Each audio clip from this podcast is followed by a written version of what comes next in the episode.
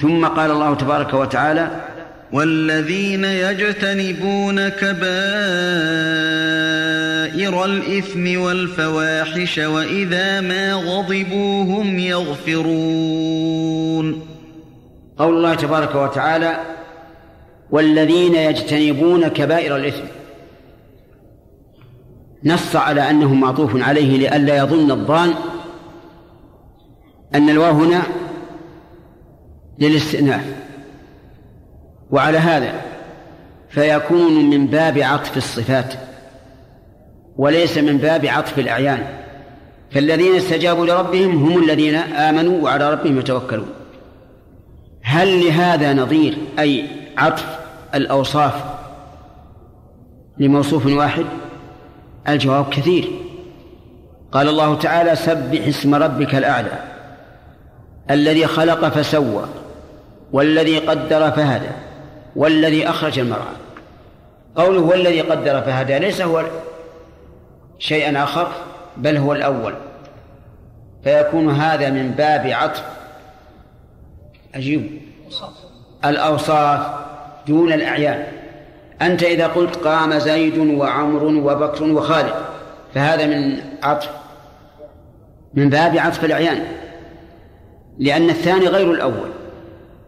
وإذا قلت جاء زيد الفاضل والكريم والشجاع فهذا من باب عطف الأوصاف لأن الثاني هو الأول لكن اختلفت الصفة.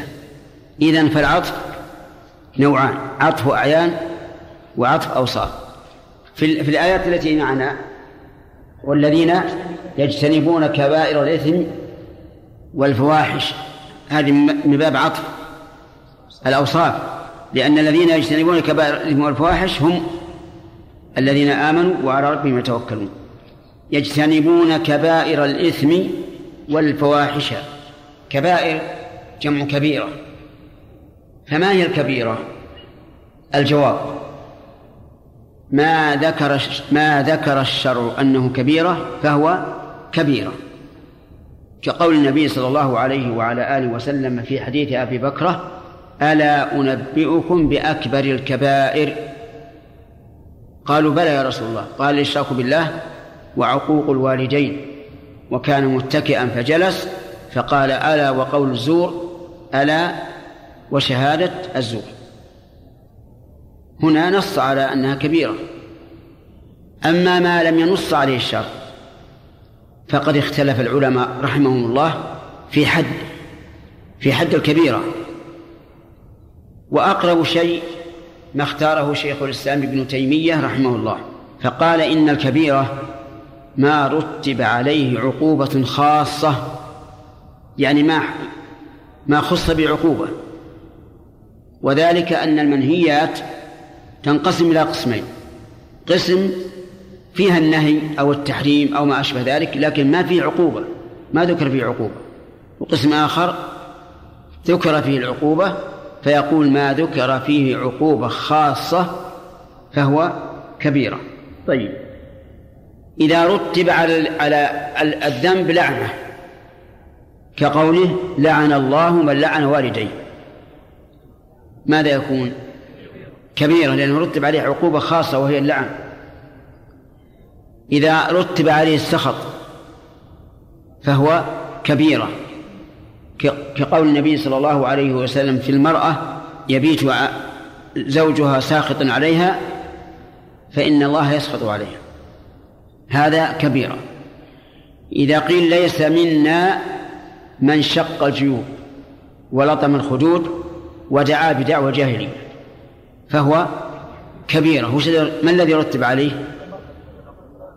البراءة منه ليس منا كذا من غش فليس منا. نعم. مثله كبيرة لأن رتب عليه عقوبة خاصة. لا يؤمن من لا يأمن جاره بوائقه. كبيرة لأنه رتب عليه نفي الإيمان. إذن الكبيرة محدودة أو معدودة. محدودة يعني تعرف بالحد دون العد. وأحسن ما قيل فيها ما اختاره شيخ الإسلام رحمه الله من أن الكبيرة ما رتب عليه عقوبة خاصة. وقوله والفواحش بالنصب معطوف على كبائر. أي ويجتنبون ويجتنبون الفواحش قال وهي موجبات الحدود من عطف البعض على الكل. فسر المؤلف رحمه الله الفواحش بأنها ما توجب الحد. فلنعد الزنا. فاحشة وهو بنص القرآن. ولا تقربوا الزنا إنه كان فاحشا نكاح ذوات المحارم. فاحشة لقول الله تبارك وتعالى ولا تنكحوا ما نكح آباؤكم من النساء إلا ما قد سلف إنه كان فاحشة ومقتا وساء سبيلا. تأمل الآن أيما أعظم نكاح ذوات المحارم أو الزنا؟ الأول لأن الله قال فيه كان فاحشة ومقتا وساء سبيلا وفي الزنا قال إنه كان فاحشة وساء سبيلا. ولهذا كان القول الراجح أن الإنسان إذا زنى بمحارمه وجب رجمه سواء كان محصنا أم غير محصن.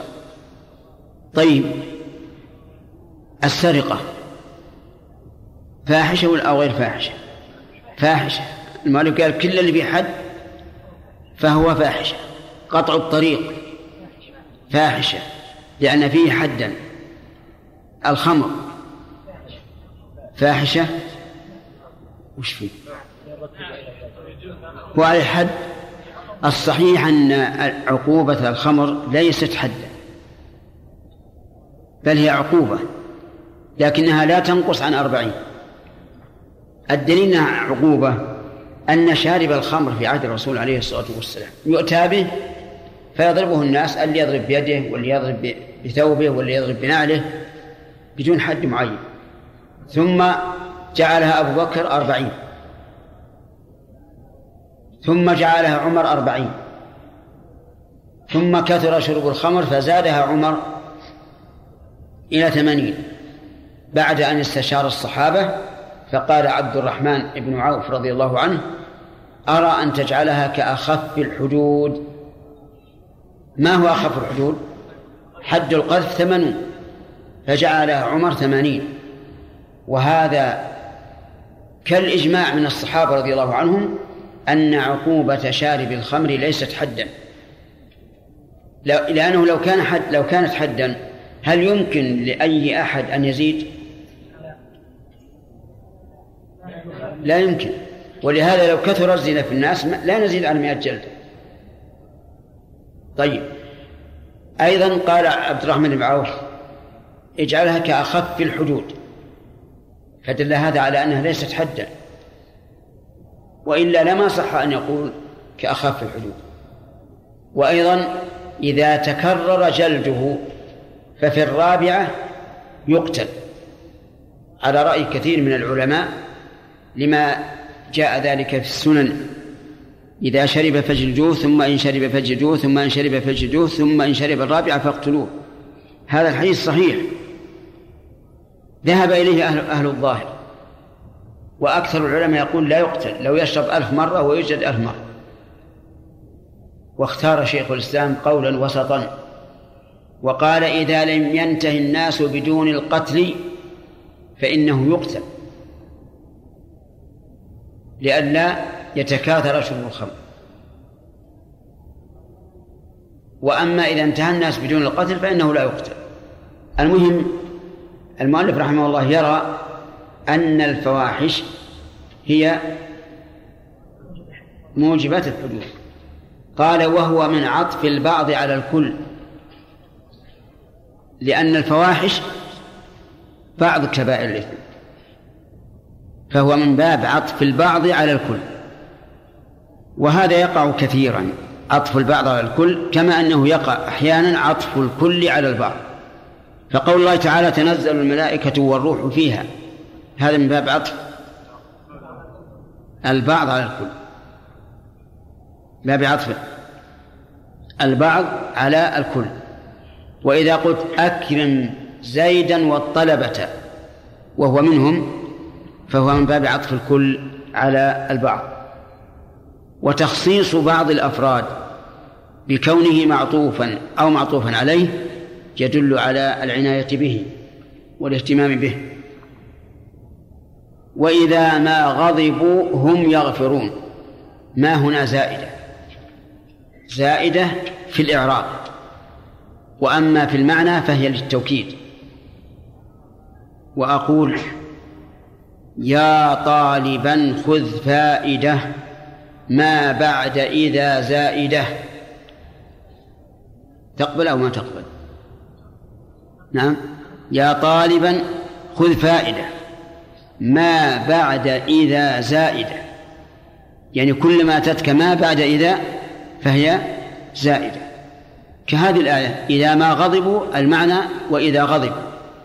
وكقوله تعالى حتى إذا ما جاءوها شهد عليهم سمعهم وأبصارهم. أي حتى إذا جاءوا. فخذ هذه الفائدة. يا طالبا خذ فائدة ما بعد إذا زائدة وما من أوسع الحروف معنى. لأن لها عشر معاني أو أكثر. جمعت في قول الناظم محامل ما عشر إذا رمت عدها فحافظ على بيت سليم من الشعر ستفهم شرط الوصل فاعجب لنكرها بكف ونفي زيد تعظيم مصدر. أقول مرة ثانية؟ نعم أقولها. محامل ما عشر إذا رمت عدها هذا الشرط الأول. فحافظ على بيت سليم من الشعر. ستفهم شرط الوصل فاعجب لنكرها بكف ونفي زيد تعظيم مصدر. الثالثة محامل ما عشر إذا رمت عدها فحافظ على بيت سليم من الشعر. ستفهم شرط الوصل فاعجب لنكرها بكف ونفي زيد تعظيم مصدر. من يقرأها؟ عشر إذا عدها فحافظ على بيت سليم من من الشعر. ستفهم شرط الوصل فاعجب لنكرها بكف ونفي زيد تعظيم مصدر. ما شاء الله جيد. يحتاج نشرح البيت الثاني ولا ولا تغيبونها اليوم وبعدين نشرح الجواب. نعم. طيب ما. على وجه السرعة. ستفهم إشارة إلى ما الاستفهامية. شرط إلى ما الشرطية. الوصل إلى ما الموصولة. فأعجب إلى ما التعجبية. مثل أن تقول ما أحسن زيدا. لنكرها إلى ما النكرة. الموصوفة أو الواصفة بكف إلى ماء الكاف إلى ماء الكافة. وهي الداخلة على إن مثل إنما الله إله واحد. ونفي ما إيش؟ النافية. زيد ماء الزائدة. تعظيم ماء التعظيمية. مثل الحاقة ما الحاقة. القارعة ما القارعة. مصدر إلى ما المصدرية. مثل يعجبني ما فعلت. أي يعجبني؟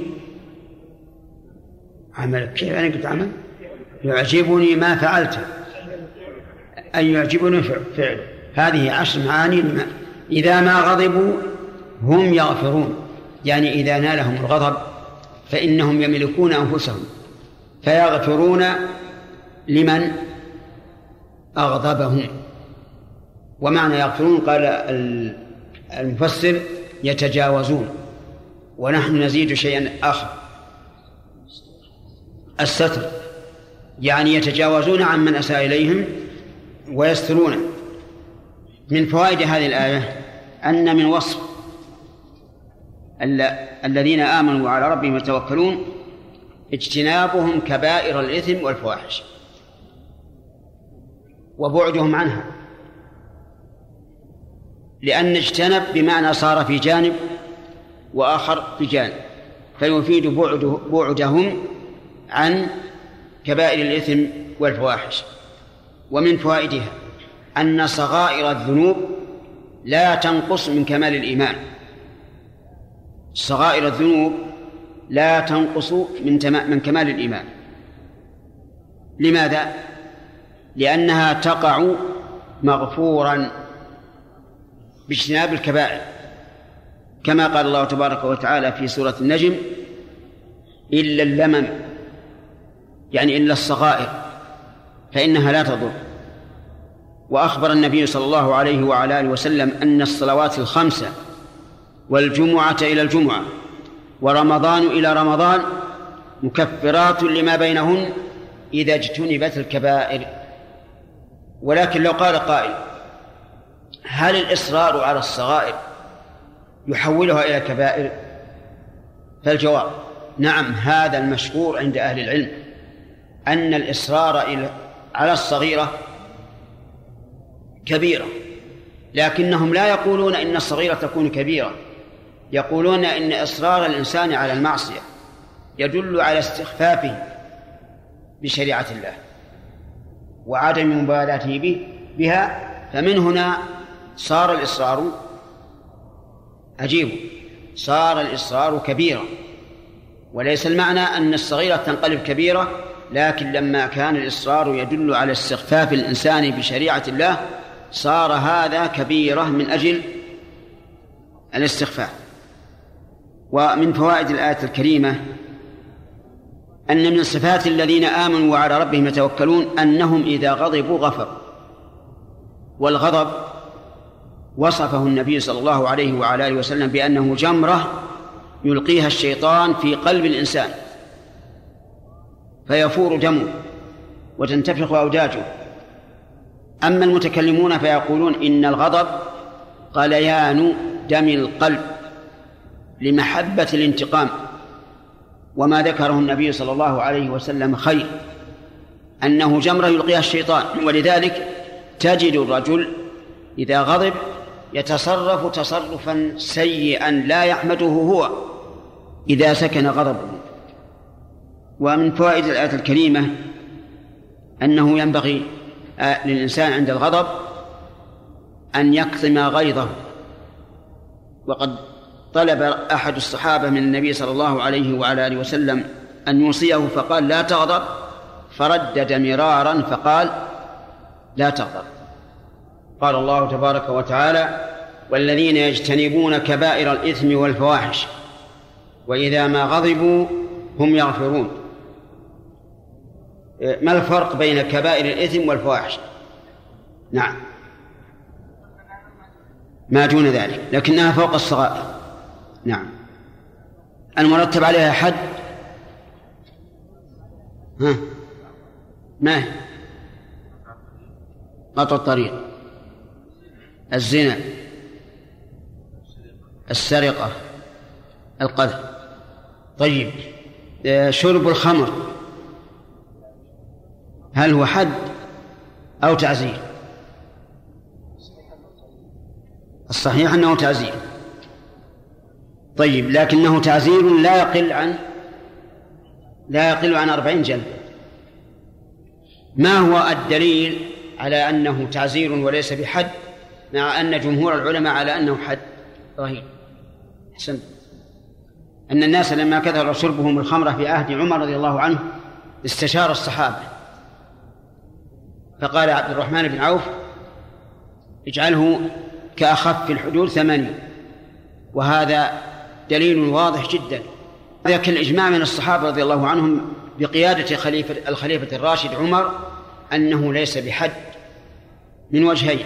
الأول أنه قال اجعله كأخف الحدود. والثاني أنه لو كان حدا ما ساغ لعمر ولا لغير عمر أن يزيد عليه. قول الله تبارك وتعالى وإذا ما غضبوا هم يغفرون. ما؟ شرابا وإذا ما غضبوا. اسم موصول؟ لا غلط. ما زائدة. أي. أنشدني الرجز المذكور فيها وجه الخطاب للزميل فهمت؟ أنت الآن ولا لا؟ كلما جاءت ماء بعد إذا فهي زائد. قال الله تعالى حتى إذا ما جاءوها شهد عليه وإذا ما غضبوا هم يغفرون. انتهى الكلام على على ما سبق الآن. ثم قال الله تبارك وتعالى والذين استجابوا لربهم وأقاموا الصلاة وأمرهم شورى بينهم ومما رزقناهم ينفقون. والذين استجابوا لربهم الواو حرف عطف الذين معطوف على ما سبق. عطف أعيان ولا أوصاف؟ أوصاف. والذين استجابوا لربهم قال المفسر أجابوه إلى ما دعاهم إليه من التوحيد والعبادة. استجابوا لربهم بمعنى أجابوه. وقد سبق لنا ذكر الأمثلة على كون استجاب بمعنى أجاب. وقوله من التوحيد والعبادة تفسير لا بأس به. ولو قال رحمه الله استجابوا لربهم أي أجابوه إلى كل ما دعاهم إليه من فعل الأوامر وترك النواهي لكان أبين وأعم. وأقاموا الصلاة معطوف على استجابوا فهي داخلة في صلة الموصول. أقاموا الصلاة قال المؤلف أداموها وفيها نظر. بل معنى أقاموا الصلاة أتوا بها مستقيمة على الوجه الذي طلب منه. لأن هناك فرقا بين إقامة الصلاة وبين إدامة الصلاة. نعم إدامتها من إقامتها لا شك. ولكن ليست الإقامة هي الإدامة إذن الإقامة معناه أن يأتي بالصلاة مستقيمة على الوجه المطلوب. وأقاموا الصلاة وقول الصلاة يعم الفريضة والنافلة. وأمرهم شورى بينهم.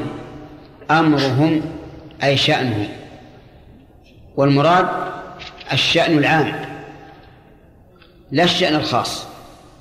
الشأن العام الذي يعم يهم يهم الجميع يتشاورون فيه. ومعنى يتشاورون فيه يعني يتبادلون الرأي.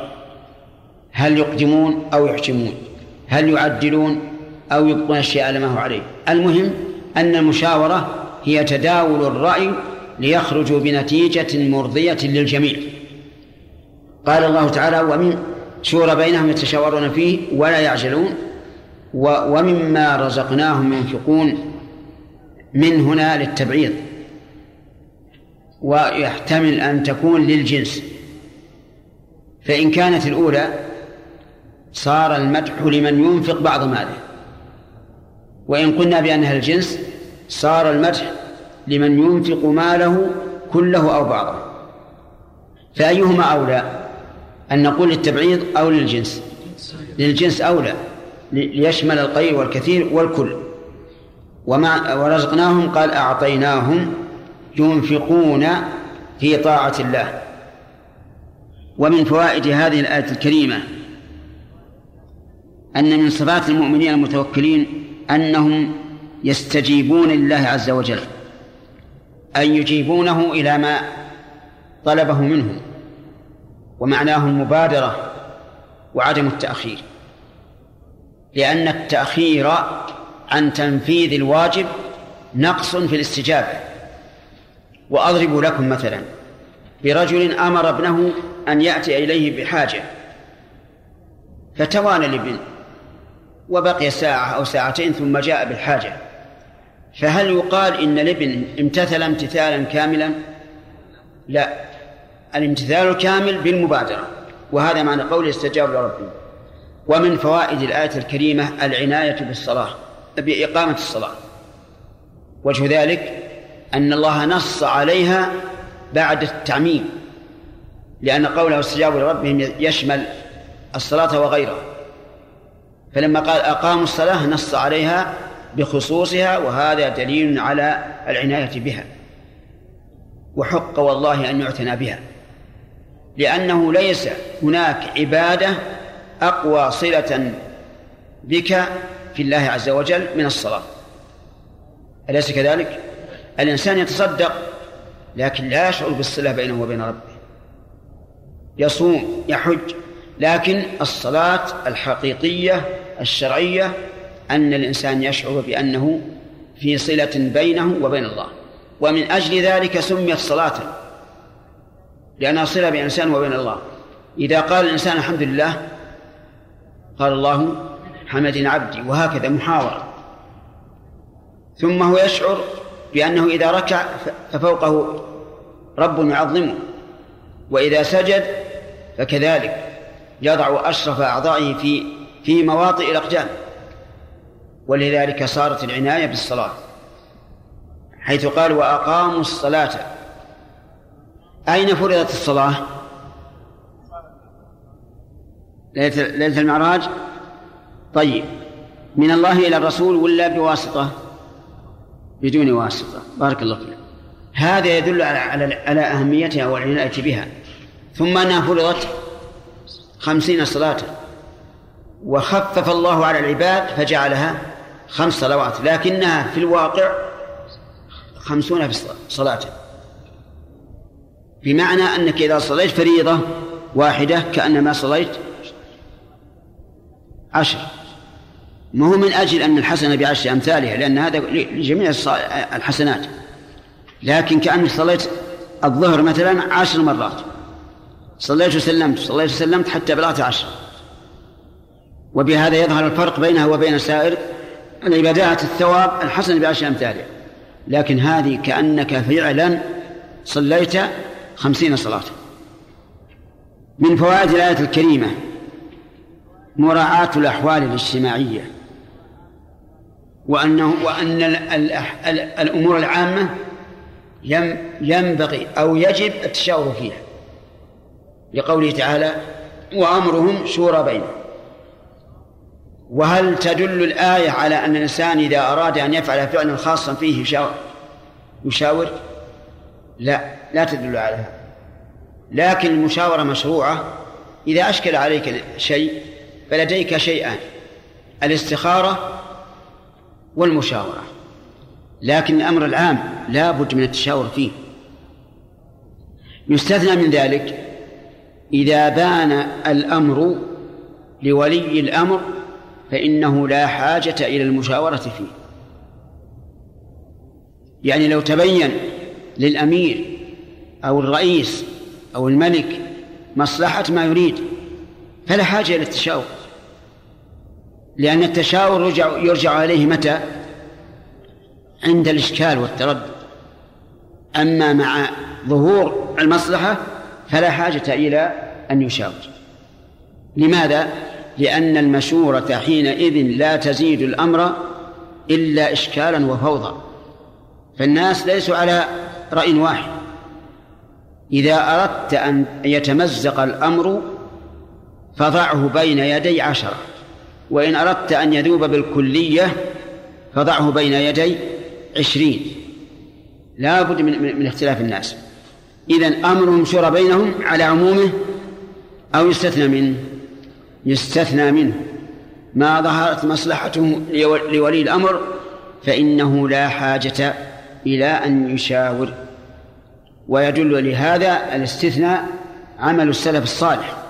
فها هو عمر رضي الله عنه وهو من أشد الخلفاء اهتماما بالرعية. لا يشاور إذا كانت المصلحة ظاهرة ظاهرة له وإنما يشاور إذا أشكل عليه الأمر. لو أحصيت ما ما شاور فيه ما بلغ إلا العشرات أو أقل وقد بقي عشر سنوات في الخلاف هذا العمل السلفي من الخلفاء الراشدين يقيد قوله تعالى وأمرهم شورى بينهم. إذن آه، ما الذي يستثنى؟ فلا حاجة للمشاورة. لأن المشاورة في هذا الحال ضرر في تنفيذ الأمر والمضي فيه. ومن فوائد الآية الكريمة أن من صفات الذين آمنوا وعلى ربهم يتوكلون بذل بذل بذل المال في طاعة الله. لقوله ومما رزقناهم ينفقون. وهل يطلب من الإنسان أن ينفق جميع ماله؟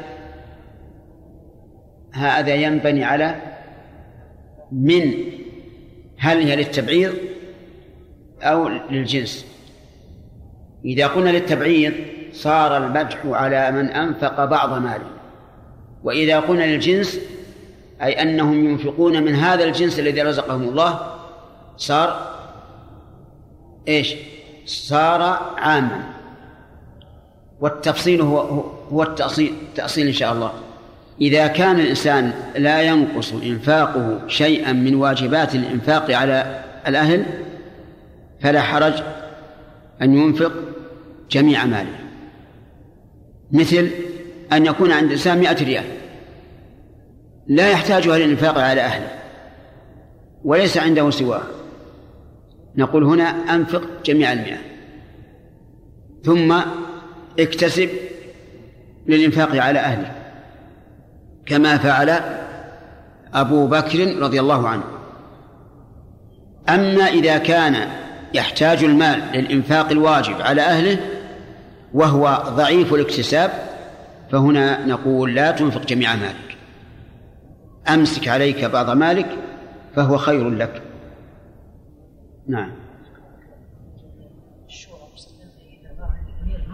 نعم يقيم بأن الأمير قد تظهر له مصلحة في شيء وليس فيه مصلحة هو مؤتمن. الأصل مؤتمن. وإذا أراد أن يخون منع الشورى ولا ولا ولا, ولا احتاج لها ولو احتاج لها. شيخ طيب إذا ظهرت يا شيخ خيانته ظهر خيانته هو ظهر له ذلك ولكن الواقع عنه؟ ما علينا بذمته هذا. لأن لو قلنا إن إن ولي الأمر يشاور في كل شيء مشكلة. ولا يمكن تستقيم الحال. معناه لو يكتب للشرطة احبسوا فلانا لأنه أساء. نقول الله اجمع الناس شاور. لا دعنا ما يخالف. معني بأشخاص مو معنى كل الناس يجابون. جاء جاء بالشورى. هل نقول كل مسألة تتعلق بالعامة لابد أن تشاور عليها؟ ما يمكن. وكما قلت الآن بينا لك أن عمر رضي الله عنه من أشد الخلفاء مشاورة ومع ذلك تكاد تحسن مشاوراته لا بد من هذا. ولا ما يستقيم الأمر. نعم. الإنسان أشكى عليه شيء. نعم. هل يبدأ بالاستخارة أو؟ سؤال جيد. يقول إذا أشكل على الإنسان الشيء هل يبدأ بالاستخارة أو الاستشارة؟ نقول يبدأ بالاستخارة. لأن النبي صلى الله عليه وعلى آله وسلم قال إذا هم أحدكم بالأمر فليصلي ركعتين. هم يعني أصابه الهم فيه وتردد وشك. وليس مراده أن كل أمر تهم به صلي ركعتين؟ أولى متأكد؟ إذا هم أحدكم بالأمر. ها. إذا هم الإنسان يروح يتغدى صلى ركعتين السخير لا. إذا إذا هم أحدكم الأمر يعني إذا أهمه الأمر ولم يتبين له شيء. فليصلي ركعتين. فنقول ابدأ أولا بالاستخارة لوجهين. الأول أنه ظاهر الحديث. الثاني أن كونك ترجع إلى الله خير من كونك ترجع إلى آراء الناس. واضح؟ طيب. فإذا نبدأ بالاستخارة قبل الاستشارة. ثم قال الله تبارك وتعالى والذين إذا أصابهم البغي هم ينتصرون. قال الله عز وجل والذين إذا أصابهم البغي هم ينتصرون. الواو حرف عطف. والمعطوف هنا باعتبار الصفات أي من صفاتهم أنهم إذا بغى علي عليهم أحد انتصروا لأنفسهم. إذا أصابهم البغي أي العدوان من أحد عليهم. هم ينتصرون. ينتصرون لمن؟ لأنفسهم. لا يكون لا يظهرون مظهر الضعيف الذليل بل ينتصر لنفسه. والانتصار للنفس في مقام العز أمر مطلوب. أما في مقام التواضع فهذا شيء آخر يأتي إن شاء الله في المستقبل. يقول هم ينتصرون صنف. المؤلف رحمه الله ذكر آه، أن الذين آمنوا عربا كل صنفي صنفان. ولكن الصحيح أن هذا كله وصف لموصوف واحد وليس هناك أصناف. وعليه فنقول من صفات الذين آمنوا على ربهم يتوكلون أنهم ينتصرون لأنفسهم إذا ظلموا أي ينتقمون ممن ظلمهم بمثل ظلمه بدون عدوان. على أن قوله هم ينتصرون لا يستلزم أن يأخذوا لأنفسهم بحقها بل إذا انتصروا فلهم أن يعفوا. وإذا عفوا مع القدرة كان ذلك أكمل. من فوائد هذه الآية الكريمة أن من صفات الذين آمنوا وعلى ربهم يتوكلون أنهم لا يرضون بالذل والانخناس عن الأخذ بحقهم لقوله الذين إذا أصابهم البغي هم ينتصرون. وهل من لازم الانتصار أن يقتص أو أن يكون له اليد العليا سواء بالقصاص أو بالعفو أو بغير هذا؟ الظاهر الثاني لأنه أعم لأن من عفى عن قدرة وعزة فإنه لا شك منتصر ومن أخذ بحقه فهو منتصر. ومن فوائد هذه الآية الكريمة أن هؤلاء لا ينتصرون لأنفسهم إلا إذا تحققوا البغي عليهم. وأما مجرد التهمة فلا يعتبرونها. يؤخذ من قوله إذا أصابهم البغي. فلو اتهموا أحدا أنه ظلمهم فإنهم لا لا يتحركون. لكن إذا أصابهم البغي حينئذ ينتصرون. في هذه الآية من من الفوائد أنه يجب على من من انتصر إذا أصابه البغي ألا يتجاوز الحد في الاستيفاء. ثم قال الله تبارك وتعالى وجزاء سيئة سيئة مثلها فمن عفا وأصلح فأجره على الله إنه لا يحب الظالمين. وجزاء سيئة سيئة مثلها. سميت الثانية السيئة لمشابهتها للأولى في الصورة. وهذا ظاهر فيما يقتص فيه من الجراحات. قال بعضهم وإذا قال له أخزاك الله فيجيبه أخزاك الله. قوله وجزاء سيئات سيئة مثلها هذا في الحقيقة قاعدة. أن للإنسان أن ينتقم لنفسه السيئة إيش؟ بمثلها لا يزيد لأنه إن زاد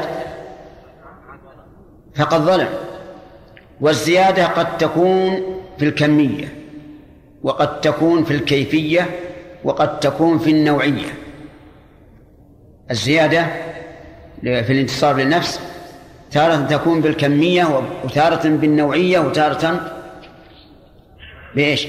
بالكيفية فإذا انتصر لنفسه فضرب من ظلمه ثلاثا وقد وقد ظلمه باثنتين من باب إيش؟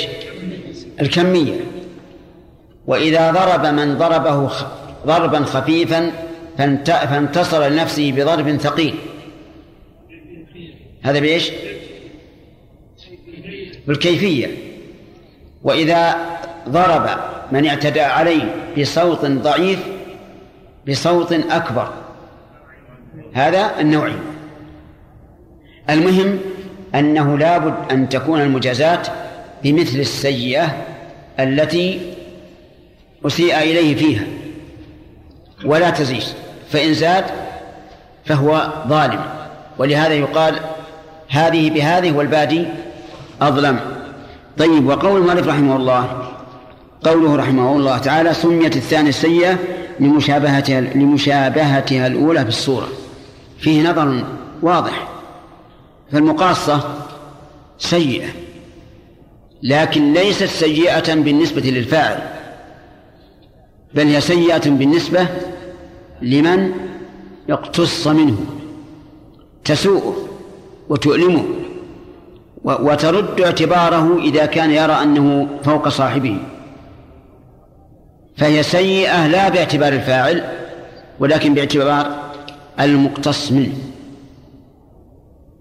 وأما قوله إن مشابهة للأولى فلا يمكن أن تطلق السيئة لمطلق المشابهة أو لمجرد المشابهة. وجزاء سيئة سيئة مثلها. طيب هذا في الواقع هذه قاعدة في جميع الاختصاص فلننظر. إذا شق ثوبك فهل تشق ثوبه؟ نعم. ظاهر الآية؟ نعم. لكن إذا كان ثوبك رديئا يساوي عشرة وثوبه جيد يساوي مئة. تشق ثوبه؟ أو لا تشق؟ نعم. طيب إذا إذا شققته فنقص عشر قيمته. كم يكون؟ ينقص العشر. مثلا هذا الثوب يساوي عشرة ريالات. شقه المعتدي بشق ينزل قيمته العشر. العشر كم من عشرة؟ واحد. ثوبه يساوي مئة. فشققته بشق يساوي العشر. كم ينقص؟ عشرة. الآن أخذت عشرة مقابل مقابل واحد. فهل نقول العبرة بالمعنى فإنه لما شق ثوبك أذلك؟ وأنت إذا اقتصصت منه وشققت ثوبه أذللته وهو البادي. فنشق ثوبه ولو كان أغلى. أو نقول نشق ثوبه إن كان مماثلا للأول أو مقاربا له وإلا فلا. آه نعم لأن هذا الذي ثوبه بعشرة ينكسر اعتباره كالذي ثوبه بمئة. والمقصود إذلال المعتدي وكسر اعتباره. وعلى هذا فنقول من شق ثوبك فشق ثوبه. طيب. وهل المعتبر المساحة أو المعتبر النسبة؟ أو ما فهم السؤال؟ يعني مثلا طيب هذا إنسان قصير شق ثوبه بمقدار شبر الشبر هذا. الشبر هذا يساوي العشر مثلا من من من ثوبه والآخر طويل جدا. شق ثوبه بمقدار شبر. هل يتساوى في النسبة مع ذاك؟ ما يتساوى إذا نسأل الآن هل المعتبر المساحة أو النسبة؟ العدل أن يكون المعتبر النسبة فإذا شق نصف هذا الثوب القصير مساحته ذراع والطويل شقه بمساحة ذراع لكنه طويل طول الأول مرتين هل يكفي أو لا يكفي؟ لا يكفي. شق إلى أن تبلغ النسبة. إذا كان العشر فهذا العشر واضح يا جماعة؟ لأن هذا هو العدل في الحقيقة. لأن المعتدي أفسد عشر ثوب المعتدي عليه فلنفسد عشر ثوبه مع أنه هو المعتدي. وهذا ينطبق تماما على قول الله تعالى وجزاء سيئة سيئة مثلها طيب. رجل قال لشخص مع المغاضبة قال أنت حمار. هل يقول له أنت الحمار؟ نعم. لا يقول. كيف ما يقول؟ لكن هل يقول أنت حمار وأبوك حمار؟ الجواب لا هذا عدوان. لكن يقول أنت حمار. طيب إذا قال له لعنك الله. هل يقول بل لعنك أنت؟ لا إله إلا الله. معكم شاب الله. جزاء سيئة سيئة مثله. له أن نقول هذا. ولذلك إذا لعن الإنسان شخصا لم يكن أهلا له أين تذهب اللعنة؟ ترجع إلى الأول. ترجع إلى الأول في فيعاقب بمثل ما فعل. اسمع كلام المؤلف. يقول وهذا ظاهر فيما يقتص فيه من الجراحات. واضح أنه جزاء سيئة سيئة مثلها الذي يختص فيه من الجراحات كل عضو قائم بنفسه وكل جرح ينتهي إلى عظم كل عضو قائم بنفسه وكل جرح ينتهي إلى عظم هذا فيه القصاص. كل عضو قائم بنفسه مثل إيش؟ العين والإصبع وما أشبه ذلك. هذا يقتص رجل قطع خنصرك تقطع خنصره. واضح؟ أو جرح ينتهي إلى عظم. جرح ينتهي إلى عظم. آه، جرحه في رأسه حتى بان عظم رأسه. يقتص منه أو لا؟ نعم. طيب. آه، جرحه في ساقه حتى بان العظم. يقتص. حتى لو كانت طبقة اللحم الذي على العظم في الماء في الجاني أغلظ يقتص حتى يصل العظم. إذا كان الجرح لا يصل إلى العظم مثل أن جرحه في فخذه جرحا لم ينتهي إلى العظم. هل يقتص منه؟ يقول الفقهاء إنه لا يقتص منه وذلك لعدم انضباط القصاص. ما ينضبط إلا إذا وصل العظم. لكن نظرا لتقدم الطب نقول إذا أمكن أن يقتص منه اقتص منه. طيب. إذا إذا قطع يده من نصف الذراع يقتص منها أو لا؟ الفقهاء يقولون ما يقتص منه لعدم الانضباط. لكن إذا كان من من المفصل كما لو قطع كفه من مفصلها يقتص منه. والصحيح أنه في الصورة الأولى إذا قطع يده من نصف الذراع أنه إذا أمكن القصاص فإنه يقتص منه. وفي عصرنا الآن يمكن أو لا؟ يمكن. يمكن على الشعر أو أو أدنى من الشعر. فإذا كان لا يمكن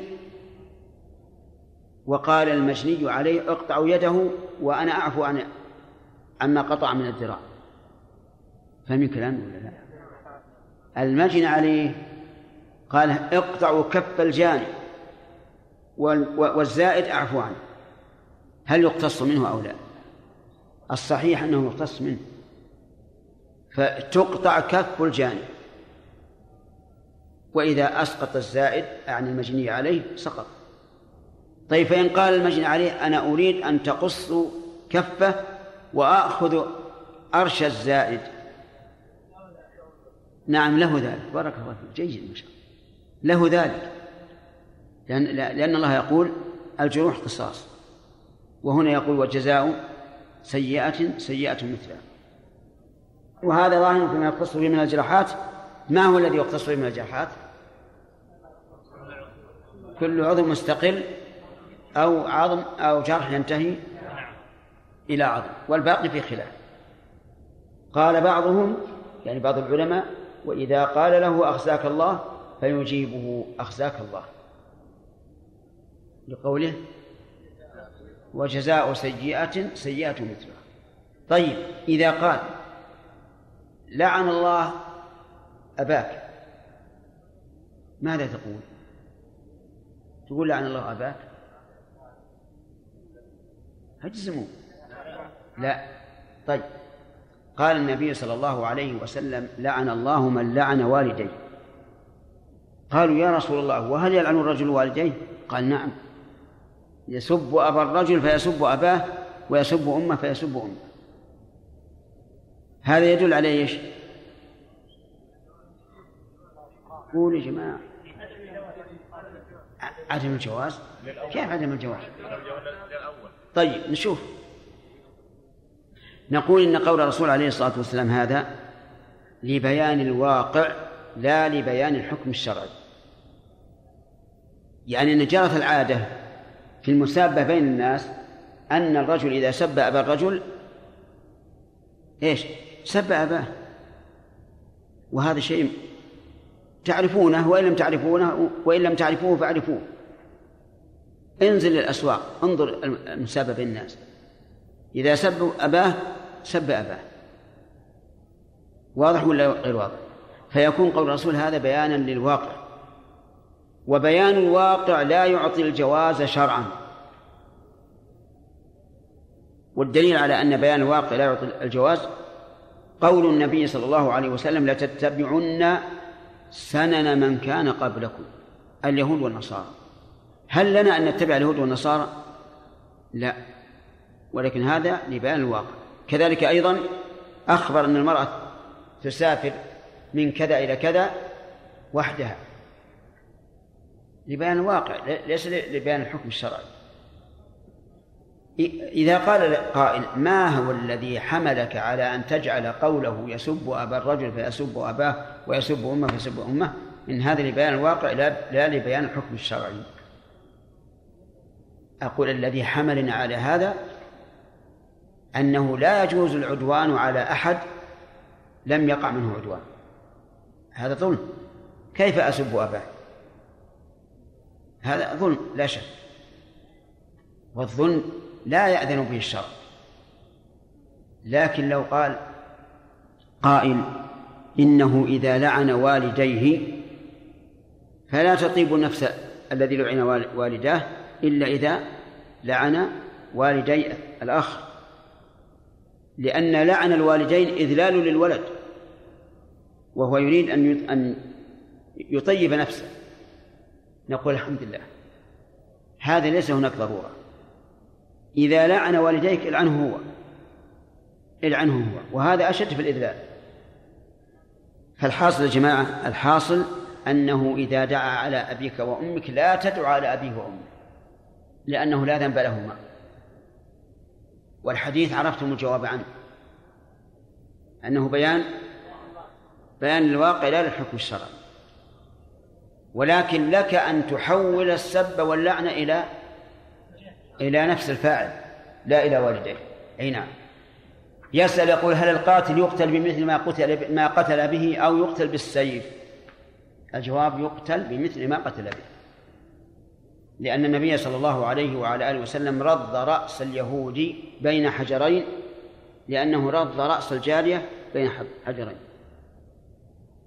وقال عز وجل فمن اعتدى عليكم فاعتدوا عليه بمثل ما اعتدى عليكم. لكن استثنى العلماء ما لم تكن الوسيلة محرمة لذاتها فلا يقتص منه. قالوا فلو تلوط برجل طفل صغير وهو يعرف إن هذا الفعل بيقتل ثم مات الطفل من أجل هذا. فهل نقيم رجلا يتلوط بهذا؟ لا ما ما نفعل. قال بعض العلماء ما نفعل هذا معلوم لا لأن اللواط محرم لذاته لكن ندخل خشبة في دبره. حتى يموت. هذا له وجهة نظر. هذا له وجهة نظر لكن عندي أن فيه نظرا.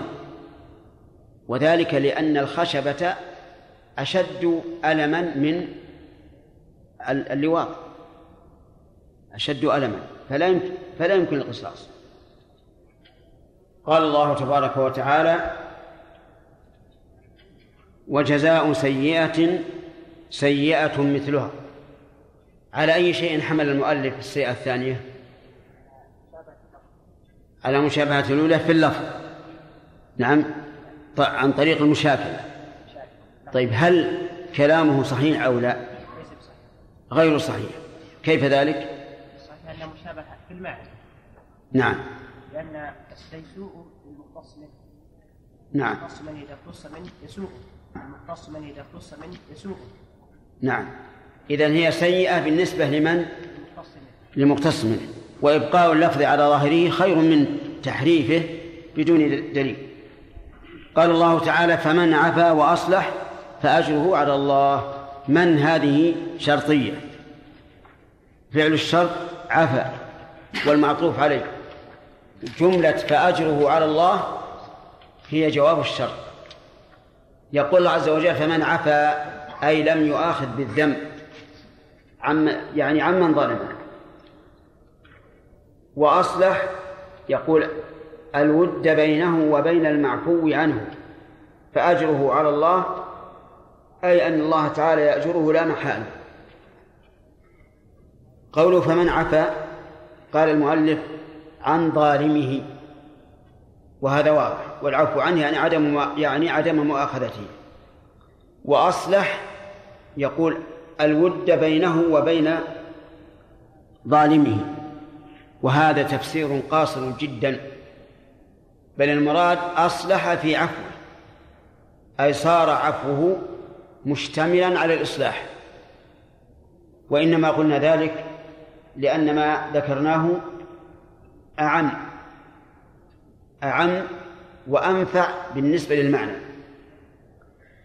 إذن أصلح المؤلف يراها قاصرة على إصلاح الود بينه وبين من ظلمه والصواب أن المراد أصلح في عفوه أي كان عفوه إصلاحا. فأجره على الله. يقول المؤلف أي أن الله أي أن الله يأجره لا محالة. أجر بمعنى ثواب. وسمى الله وسمى الله سبحانه الثواب أجرا لأنه في مقابل عمل كأجرة الأجير إذا قام بعمله. وفيه أيضا إيماء إلى أن هذا الثواب واجب كما يجب إعطاء الأجير أجره. وقول المؤلف أي فإن الله يأجره لا محالة. أخذ هذا المعنى يعني قوله لا محالة من كون الجملة اسمية لأن الجملة الاسمية تفيد الثبوت والاستمرار. من فوائد هذه الآية الكريمة وجزاء سيئة أنه يجب أن تكون المقاصة على وجه العدل. يجب أن تكون المقاصة على وجه العدل. فتكون جزاء السيئة سيئة مثلها. فلا يجوز أن يعتدي في القصاص لا القولي ولا الفعلي ولننظر لو أن رجلا سبك بوصفين. وسببته بثلاثة أوصاف. ما تقول؟ يجوز أو لا يجوز؟ لأن الله قال خاص. وجزاء سيئة سيئة مثلها. طيب. لو أن رجلا قطع يد إنسان وطلب القصاص فقال الجاني أنا أريد أن أضع بنجا في يدي. حتى لا أحس بالألم. وقال المجني عليه لا. من القول قوله؟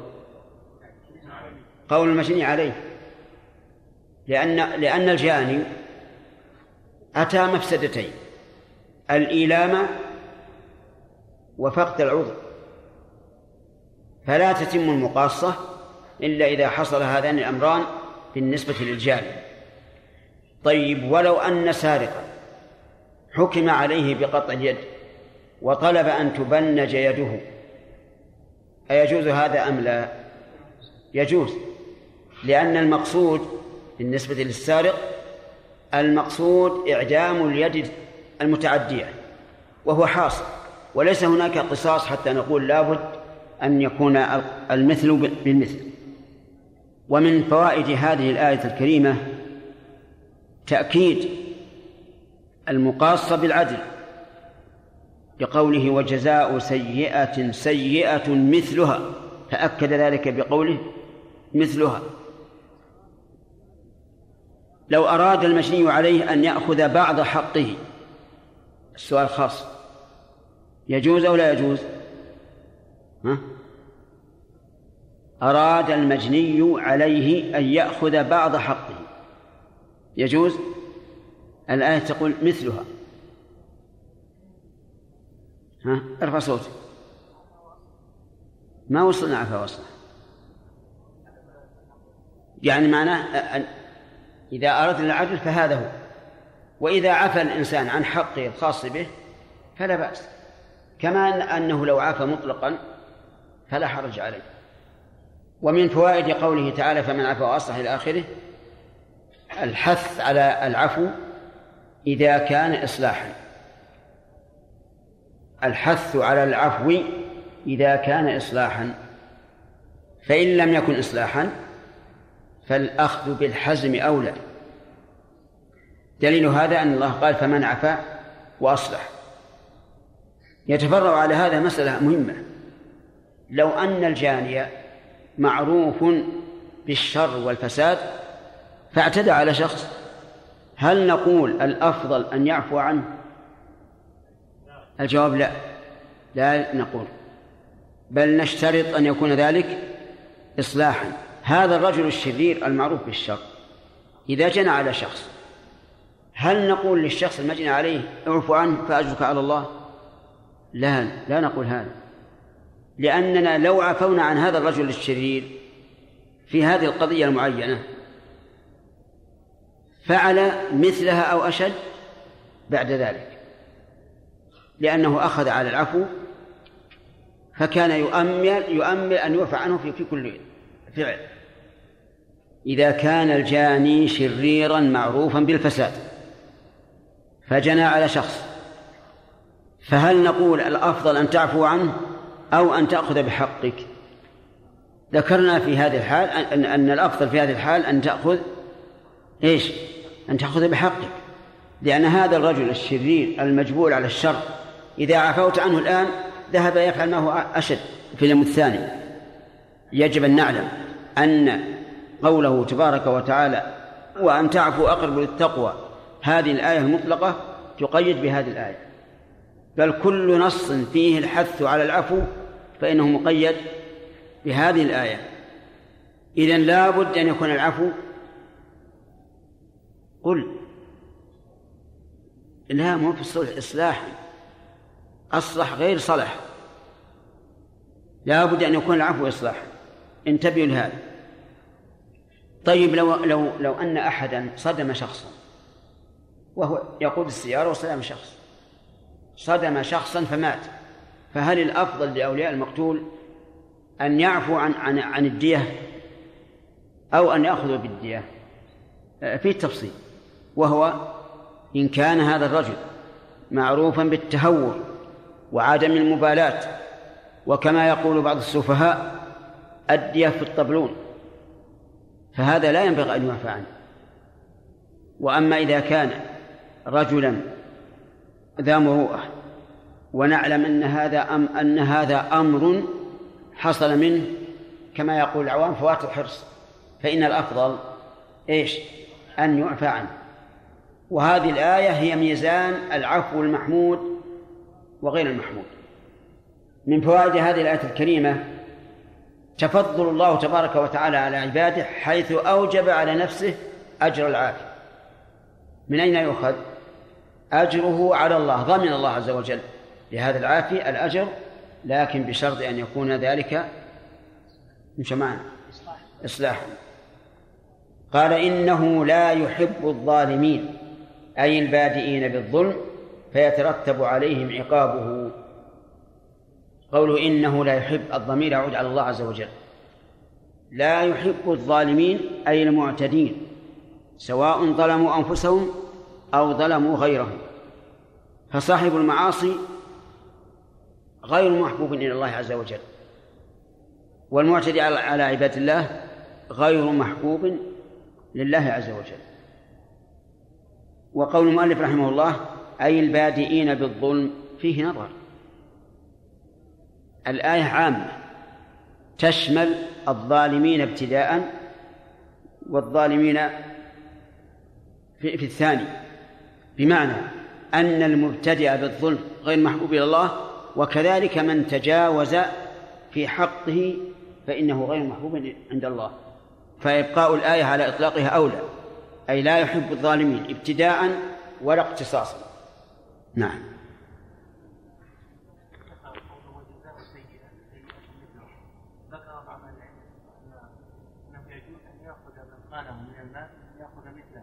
بدون علم نعم.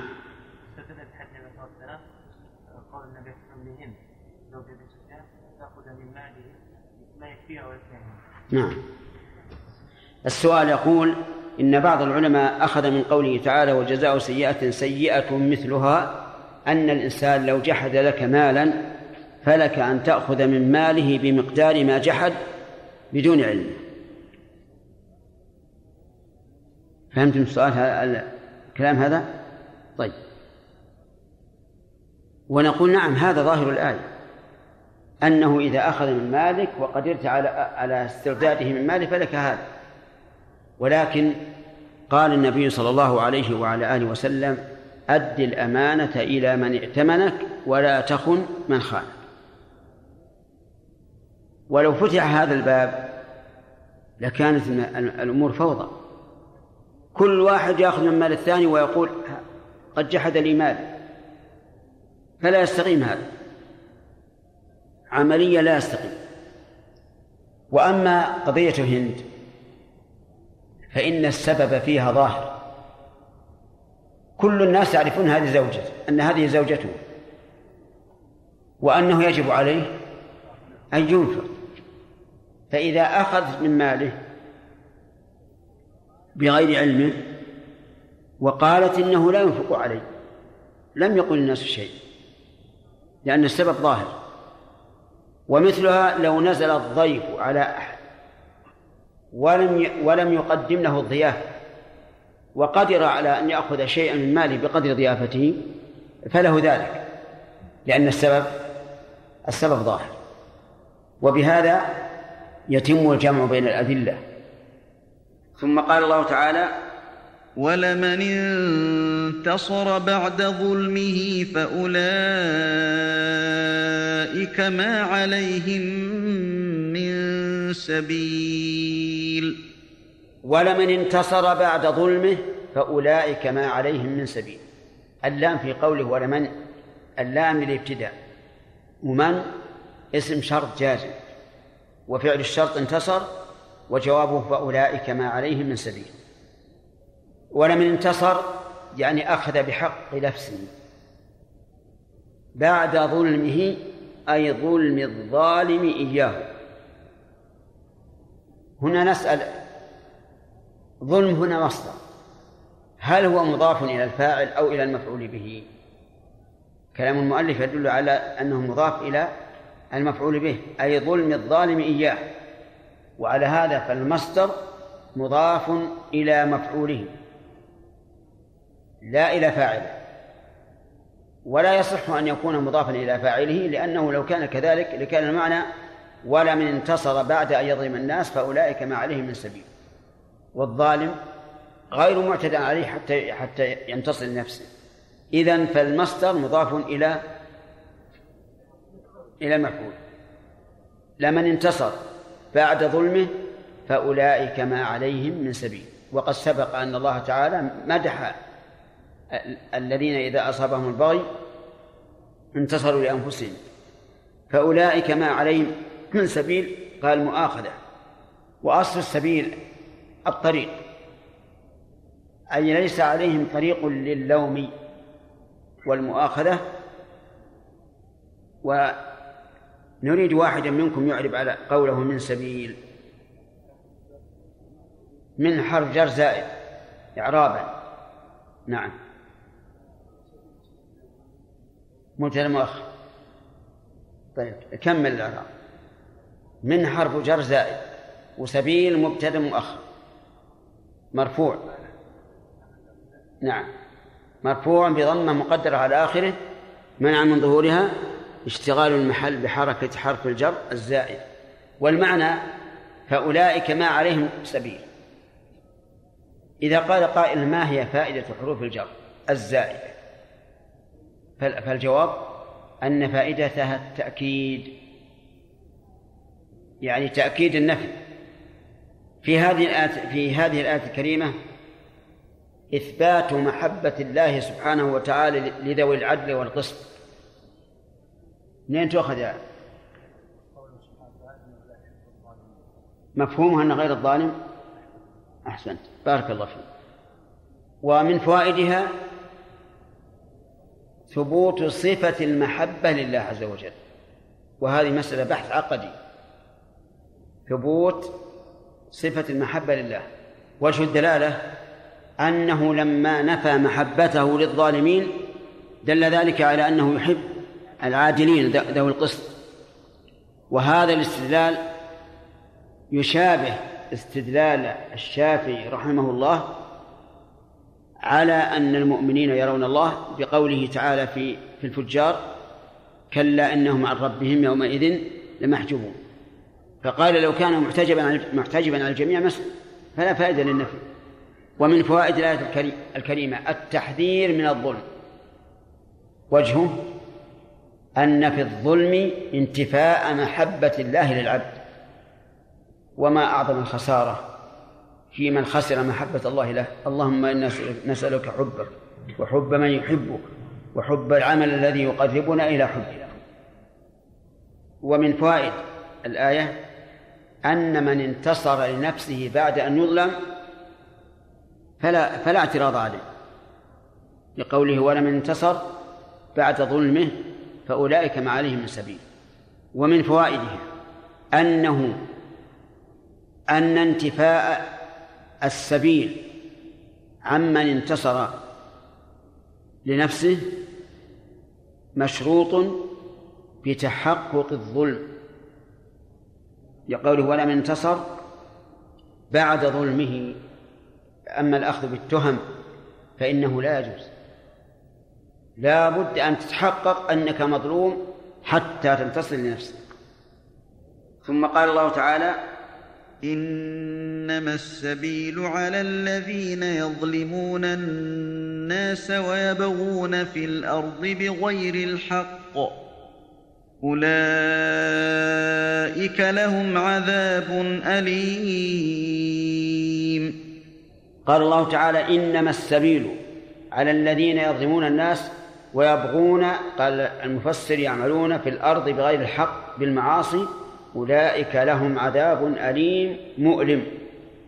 إنما السبيل على الذين. هذه الجملة فيها أداة حصر وهي إنما والحصر إثبات الحكم في المذكور ونفيه عما سواه. فكأنه قال لا سبيل إلا على هؤلاء. إنما السبيل يعني الطريق إلى اللوم والقدح والمؤاخذة على الذين يظلمون الناس سواء بأموالهم أو دمائهم أو أعراضهم. فإن النبي صلى الله عليه وسلم أعلم أعلن في حجة الوداع فقال إن دماءكم وأموالكم وأعراضكم عليكم حرام. فظلم الناس يدور على هذه الأشياء الثلاثة الدماء والأموال والأعراض. فمن اغتاب أحدا فقد ظلمه ومن أخذ ماله فقد ظلمه ومن خانه في في معاملة بينه وبينه فقد ظلمه وهذه لا حصر لأمثلتها. المهم أن الذين يظلمون الناس عليهم اللوم. وقوله يبغون فسرها المؤلف بقوله يعملون. وكأنه تحاشى أن يجمع بين البغي وبين قول بغير الحق. فقال يعملون من أجل أن يكون الفعل يبغون له معنى مستقل وبغير الحق له معنى مستقل. والصواب إبقاء الآية على ظاهرها. ومعنى يبغون أي يعتدون. من بغى على على غيره أن يعتدى عليه. قال الله تعالى وينهى عن الفحشاء والمنكر وإيش؟ والبغي. فقوله يبغون معناها يعتدون على غيرهم ويتجاوزون حدهم في معاملتهم. ويكون قوله بغير الحق صفة كاشفة تبين أن كل بغي فهو بغير حق. فإبقاء النص القرآني على ظاهره هو الواجب لا سيما أن هذا التفسير يجعله قاصرا. إذا على الذي يبغون في الأرض أي يعتدون فيها ويتجاوزون الحد. بغير الحق بيان للواقع فهو صفة كاشفة إذ أن كل بغي فإنه بغير حق. وقوله بغير حق بغير الحق فسرها بأنها المعاصي. ونعم المعاصي كلها بغير حق. لكن لا تفهم من هذا أن ذلك خاص بحق الله بل هو عام في حق الله وغيره. فالبغي في حق الله محرم وكذلك البغي في حق الآدمي. أولئك لهم عذاب أليم. أولئك المشار إليه الذين يظلمون الناس ويبغون في الأرض بغير الحق. لهم عذاب أليم أي مؤلم والإيلام بمعنى الإيجاع أي أنه موجع. في هذه الآية الكريمة إنما السبيل على الذين فيها من الفوائد أن من ظلم الناس فإنه مؤاخذ وجهه أنه حصر المؤاخذة بمن؟ بمن ظلم الناس وبغى في الأرض بغير الحق ومن فوائد الآية الكريمة أن البغي ظلم لا حق فيه لقوله ويبغون في الأرض بغير الحق. ومن فوائد الآية الكريمة تهديد أولئك الذين يظلمون الناس ويبغون في الأرض بغير الحق بالعذاب الأليم. لقوله فأولئك لهم عذاب أليم. ومن فوائد الآية الكريمة أن عذاب هؤلاء عظيم لأنه أتى به بالجملة الاسمية على هذه الصيغة المعينة أولئك لهم عذاب أليم. ثم قال ولمن صبر وغفر إن ذلك لمن عزم الأمور ولمن صبر فلم ينتصر وغفر تجاوز يعني عن الجاني إن ذلك الصبر والتجاوز لمن عزم الأمور أي معزوماتها بمعنى المطلوبات شرعا لمن صبر اللام هذه لام الابتداء وتوب التوكيد. ومن اسم شرط جازم وفعل الشرط صبر وجواب الشرط إن ذلك لمن عزم الأمور. انتبهوا لهذا الإعراب. من شرطية؟ فعل الشرط صبر وما عطف عليه. جواب الشرط إن ذلك لمن عزم الأمور. وهنا إشكال. وهو أنه إذا كان جواب الشرط جملة اسمية وجب اقتران الجواب بالفاء. كالآية التي قبلها. الآية التي قبلها ولمن انتصر بعد ظلمه إيش؟ فأولئك ما عليهم من سبيل. وهنا حذفت الفاء. استمع الإشكال هنا كيف حذفت الفاء في جواب الشرط وهو جملة اسمية؟ الجواب أن الفاء قد تحذف وإن كانت الجملة أي جملة جواب أي جملة جواب الشرط اسمية. وأنشدوا على هذا قول الشاعر من يفعل الحسنات الله يشكرها. من يفعل الحسنات هذه شرطية. فعل الشرط يفعل جواب الشرط الله يشكرها وليس فيها فاء. فقالوا إنه يجوز أحيانا حذف الفاء. واستدلوا بالآية واستدلوا بالبيت. قال بعضهم في الإعراب في الآية حذف الفاء يدل على أن من ليست شرطية وإنما هي اسم موصول. وعليه يكون المعنى ولا الذي صبر وغفر إن ذلك من عزم الأمور. والحقيقة أن الإعراب الأول والثاني جائز. لكن كوننا نجعل من اسم شرط كالآية التي قبلها أولى من حيث تلاؤم السياق بعضه مع بعض. ويكون الإشكال في حذف إيش؟ حذف الفاء في الجواب. وجوابها أنها قد تحذف أحيانا. قوله عز وجل ولمن صبر أي صبر على ظلم الظالم إياه. وإن شئت فقل إنها عامة. تشمل كل من صبر على أذية من مرض أو سفر أو ما أشبه ذلك. ولكن العموم قد يمنع القول به قوله وغفر. فإن ظاهر هذا السياق أن المراد صبر عن مؤاخذة الظالم. وغفر غفر أي ستر ما حصل عليه من ظلم. إن ذلك لمن عزم الأمور أي معزوماتها. يعني لدليل على أن الرجل من ذوي العزم لأنه تحمل وستر. تحمل فصبر وعفى فغفر. إن ذلك لمن عزم الأمور ثم قال ومن يضل الله فما لهم من ولي. من بعد ناخذ ناخذ الفوائد. ومن فوائد الآية الكريمة الحث على الصبر والمغفرة. لقوله ولمن صبر وغفر إن ذلك من عزم الأمور. ولكن يجب أن أن تلاحظوا الآية السابقة. أن يكون في ذلك إصلاح.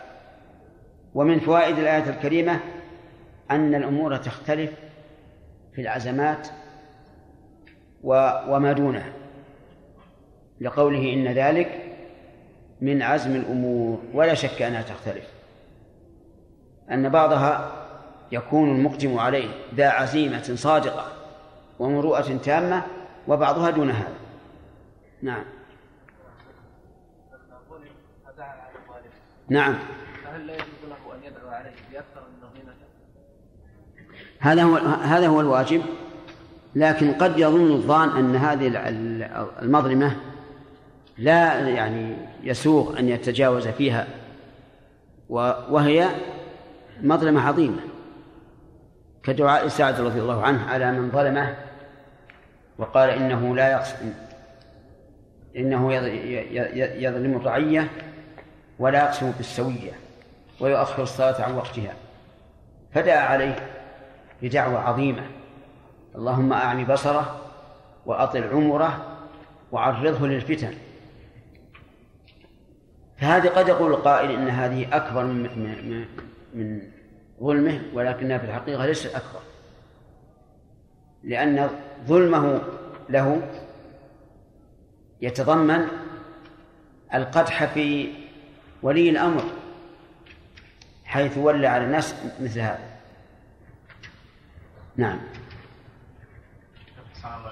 آه، الظالم ظلم الظالم يختلف باختلاف الناس. نعم. قد يظلم الإنسان آه، انسان بشيء وإذا أراد أن آه، يأخذ من هذا الإنسان قدر ما أخذ منه لا يتأذى منه كما تأذى هو. مثل ان يأخذ من فقير مال قليل فهذا الغني لا يتأثر بهذا المال إذا أخذت منه. نعم. أو أن يضرب إنسان قوي البنية بضربة لواحد ضعيف. الضعيف يتأثر بضربة قليل فيضيع أما القوي إذا ضربه ذلك الضربة ما طاح. شيخ هل يكون يأتي بواحد قوي البنية مثله يضربه؟ لا ما هو شرط. إذا ضرب مثل ما ضرب يكفي. لا يتأثر نعم؟ القصاص أولا بارك الله فيك تعلم أن الضربة أكثر العلماء يقول ما فيها قصاص. إلا إلا أن يموت ونعلم أن مثل هذه الضربة تقتل غالبا فيقتص لكن لنقل غير هذه المسألة. المثال الأول الذي ذكرت فقير أخذ منه غني عشرة ريالات. صار فقيرا مرة معدما هذا الذي أخذ عشرة ريالات عنده ملايين. إذا أخذ منه عشرة ريالات ما ضره شيء. فنقول العدل أن يعطى هذا مثل آه، أن يعطى هذا مثل ما أخذ منه فقط. نعم. يقول إن رجلا شريرا اعتدى على آخر فعفى عنه الآخر. فهل له أجر؟ ننظر. إذا كان هذا لم يعلم أن الرجل شرير وعفى يريد الإصلاح فله أجر. أما إذا كان يعلم ولكن يقول أعفو عنه ولا ولا أبالي سواء سعى في الأرض فسادا أم لا فإنه يأثم نعم. أحيانا يموت الظالم ويكون فهل يجوز الدعاء الإنسان يدعو عليه؟ يعني بعد موته. لا بأس. لا بأس لا بأس. له أن يدعو عليه ولو بعد موته. مع أن مع أن الظالم المظلوم لو فرض أنه لم يدعو فإن حقه سوف سوف يأتي يوم القيامة. وهو إذا استوفى بالدعاء عليه ما صار ما ما, ما أخذ من حسناته يوم القيامة. نسأل الله تعالى أن يجعلنا وإياكم برحمته وأن يوفقنا وإياكم لما يحب ويرضى.